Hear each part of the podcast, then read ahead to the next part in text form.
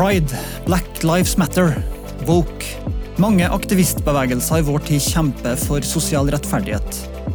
Men Bibelen forkynner også et budskap om rettferdighet, og om en rettferdig Gud. Hva betyr det? Betyr det egentlig at vi som kristne har en viktig stemme i det å bygge en rettferdig verden? I disse fem episodene av Bibelkvarteret vil jeg gå nærmere inn på dette store spørsmålet. Bli med og undersøk et av de store hovedtemaene i Guds ord.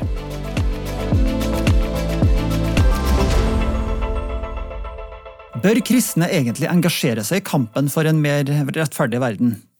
Eller er det en avsporing fra misjonsbefalinga og det å se mennesker frelst? Eller henger det sammen? Sitter vi kanskje på nøkkelen til å bygge en bedre og mer rettferdig verden de neste hundre årene? Kampen for en mer rettferdig verden er nemlig en av de store drivkreftene bak ulike former for aktivisme som engasjerer millioner av mennesker. Du møter det garantert i Dagsrevyen og på avisenes forsider hver eneste dag. Pride og Black Lives Matter kjenner du kanskje godt til. Woke-ideologi, skeiv teori og kritisk raseteori er sterke drivkrefter i USA og resten av den vestlige verden. Alle de her kjemper for rettferdighet for marginaliserte grupper. Og Dette er ikke noe nytt fenomen. Feminismen har kjempa for kvinners likestilling i over 100 år. Kjente navn i historien som Martin Luther King jr. og Nelson Mandela har kjempa for at fargede skal få like rettigheter både i Amerika og i Sør-Afrika. Kampen for rettferdighet er en av hovedlinjene i den vestlige verden i moderne tid.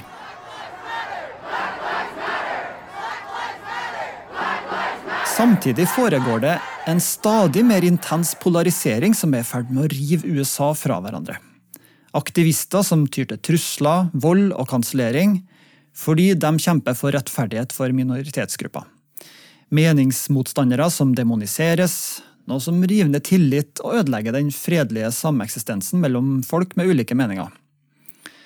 Norge har heldigvis ikke det samme konfliktnivået som USA, men vi står såpass nært amerikanerne kulturelt sett at vi trolig blir nødt til å forholde oss mer til dette framover. Min påstand er derfor at rettferdighetskampen også kommer til å prege Norge i det 21. århundret. Og at vi som kristne kommer til å dra oss inn i det, enten vi vil eller ikke. Men vi som tror på evangeliet, har en viktig stemme i det her. Derfor setter vi dette temaet på blokka her i sennep.net. Vi som tror på Guds ord, trenger å reflektere rundt hva vi mener med begrepet rettferdighet. Har det noe å gjøre med troen på Guds rettferdighet, eller er det noe annet som ikke har noe å gjøre med verdens måte å drive rettferdighetskamp på? Hvordan henger det i så fall sammen? For hva er egentlig rettferdig? Jo, Det er ulike svar på det her, litt avhengig av ståsted du stiller spørsmålet fra. La oss derfor innlede med noen minutter om hva folk flest anser som rettferdig. På en måte kan hun si at det er rettferdig at alle får det de fortjener. Har du jobba hardt, belønnes du for det. Derfor vil de færreste si at det er urettferdig at Erling Braut Haaland får spille masse på landslaget på bekostning av andre gode spisser. Og de fleste tenker at det er rettferdig at en råkjører mister førerkortet, mens de som holder fartsgrensa, beholder det. En annen måte å forstå rettferdighet på er at alle må behandles i tråd med noen universelle prinsipper som gjelder oss alle.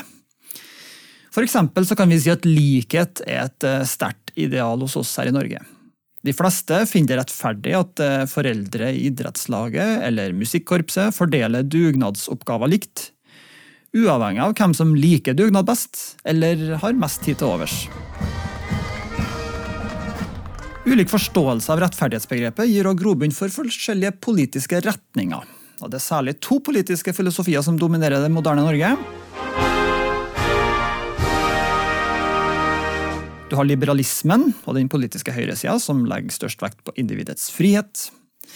De vil hevde at det er mest rettferdig at individer får muligheter til å skape sin egen framtid uten at myndighetene overstyrer for mye.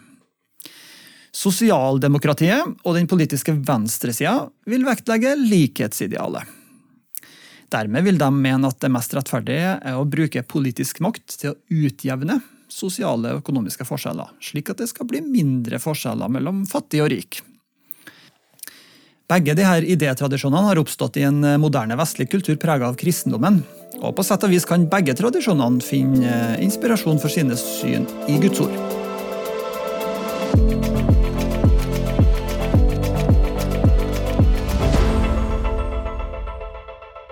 Også vi som tror på Bibelen og leser mye den, har et forhold til dette med rettferdighet.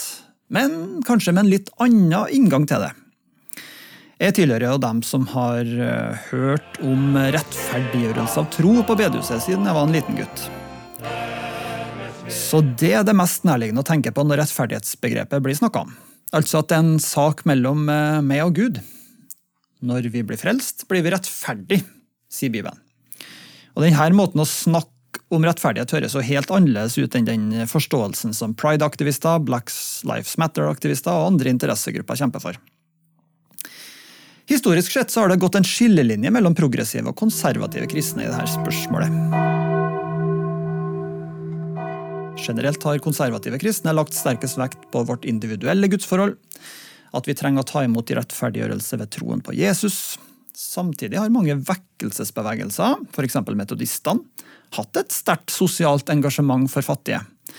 Frelsesarmeen er jo det mest kjente eksempelet, men både haugianere, pinsevenner og bedehuskristne har gjort mye lokalt, nasjonalt og internasjonalt knytta til det her. Progressive, eller liberale kristne, har vektlagt det kollektive og samfunnsmessige aspektet ved rettferdighet. Spørsmålet om enkeltmenneskers synd og evigheten har ikke blitt vurdert å være så viktig blant dem.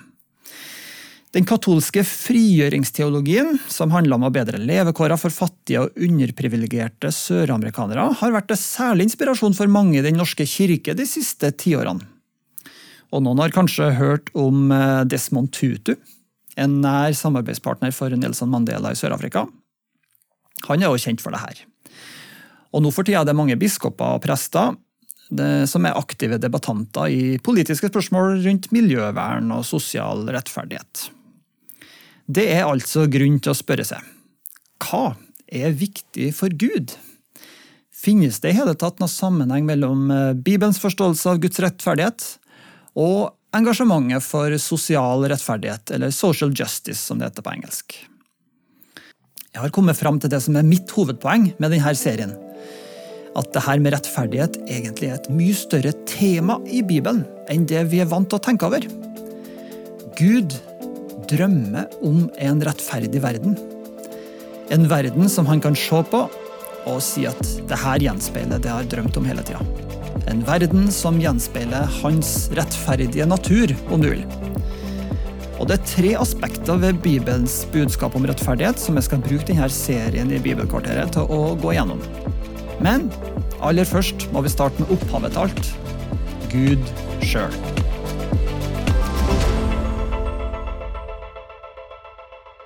Gud er fullkomment rettferdig. Rettferdighet er altså et av nøkkelordene i Bibelen og nevnes hundrevis av ganger. Og en av de mest grunnleggende sannhetene i Bibelen er at Gud er rettferdig. Både Moseloven, profetene og visdomslitteraturen i Det gamle testamentet gjentar det her i det evinnelige, og det når sitt endelige klimaks i Jesu forkynnelse og soningsdød i Det nye testamentet. Femte Mosebok, kapittel 32 vers 4, sier følgende En trofast Gud, uten svik, rettferdig og rettskaffen er han. Og Salme 25 vers 8 Herren er god og rettskaffen. Kristendommen hviler altså på premisset om at Gud er fullkomment rettferdig, så la oss se nærmere på hva det betyr. For det første så betyr det at eh, Gud ikke bare har en rettferdighetssans sånn som vi mennesker har. Nei, Gud er sjølve målestokken på rettferdighet. Gud er tvers igjennom rettferdig i sin natur og i sitt vesen.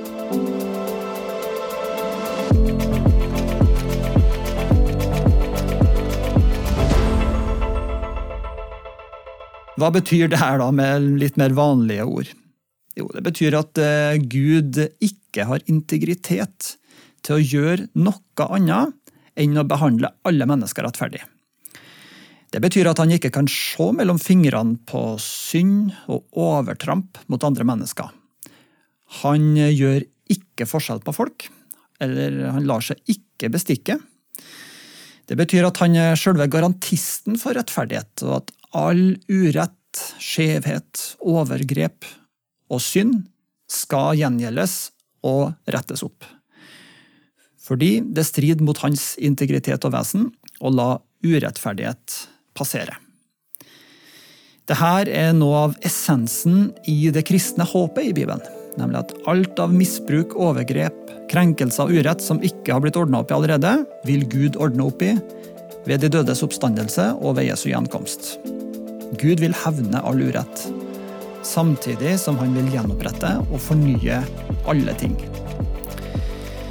Og det her, det gir altså mennesker et formidabelt framtidshåp. Uansett hvor mørkt og urettferdig livet ser ut. Fordi evangeliet forkynner at Gud vil sørge for fullkommen rettferdighet. Og det ansvarliggjør alle med makt og innflytelse til å omvende seg, og til å velge å stille seg på Guds side, og ta del i arbeidet med å bygge en rettferdig verden, vel vitende om at Gud vil dømme verden med fullkommen rettferdighet. Ja, det her var introen, folkens. Neste episode så går vi løs på hva Bibelen har å si om eh, justice, eller rettferdighet. Så jeg håper du er interessert i å sette inn i stoffet og følge med videre. Takk for at du lytter til Bibelkvarteret på sennep.nett.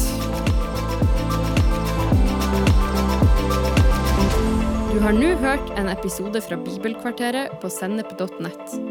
Du vil også finne mer stoff på sennep.nett som gir deg inspirasjon til å følge Jesus i hverdagen. Innholdet på Sennep er gratis og tilgjengelig for alle, takket være økonomisk støtte fra kristent nettverk, menigheter og enkeltpersoner.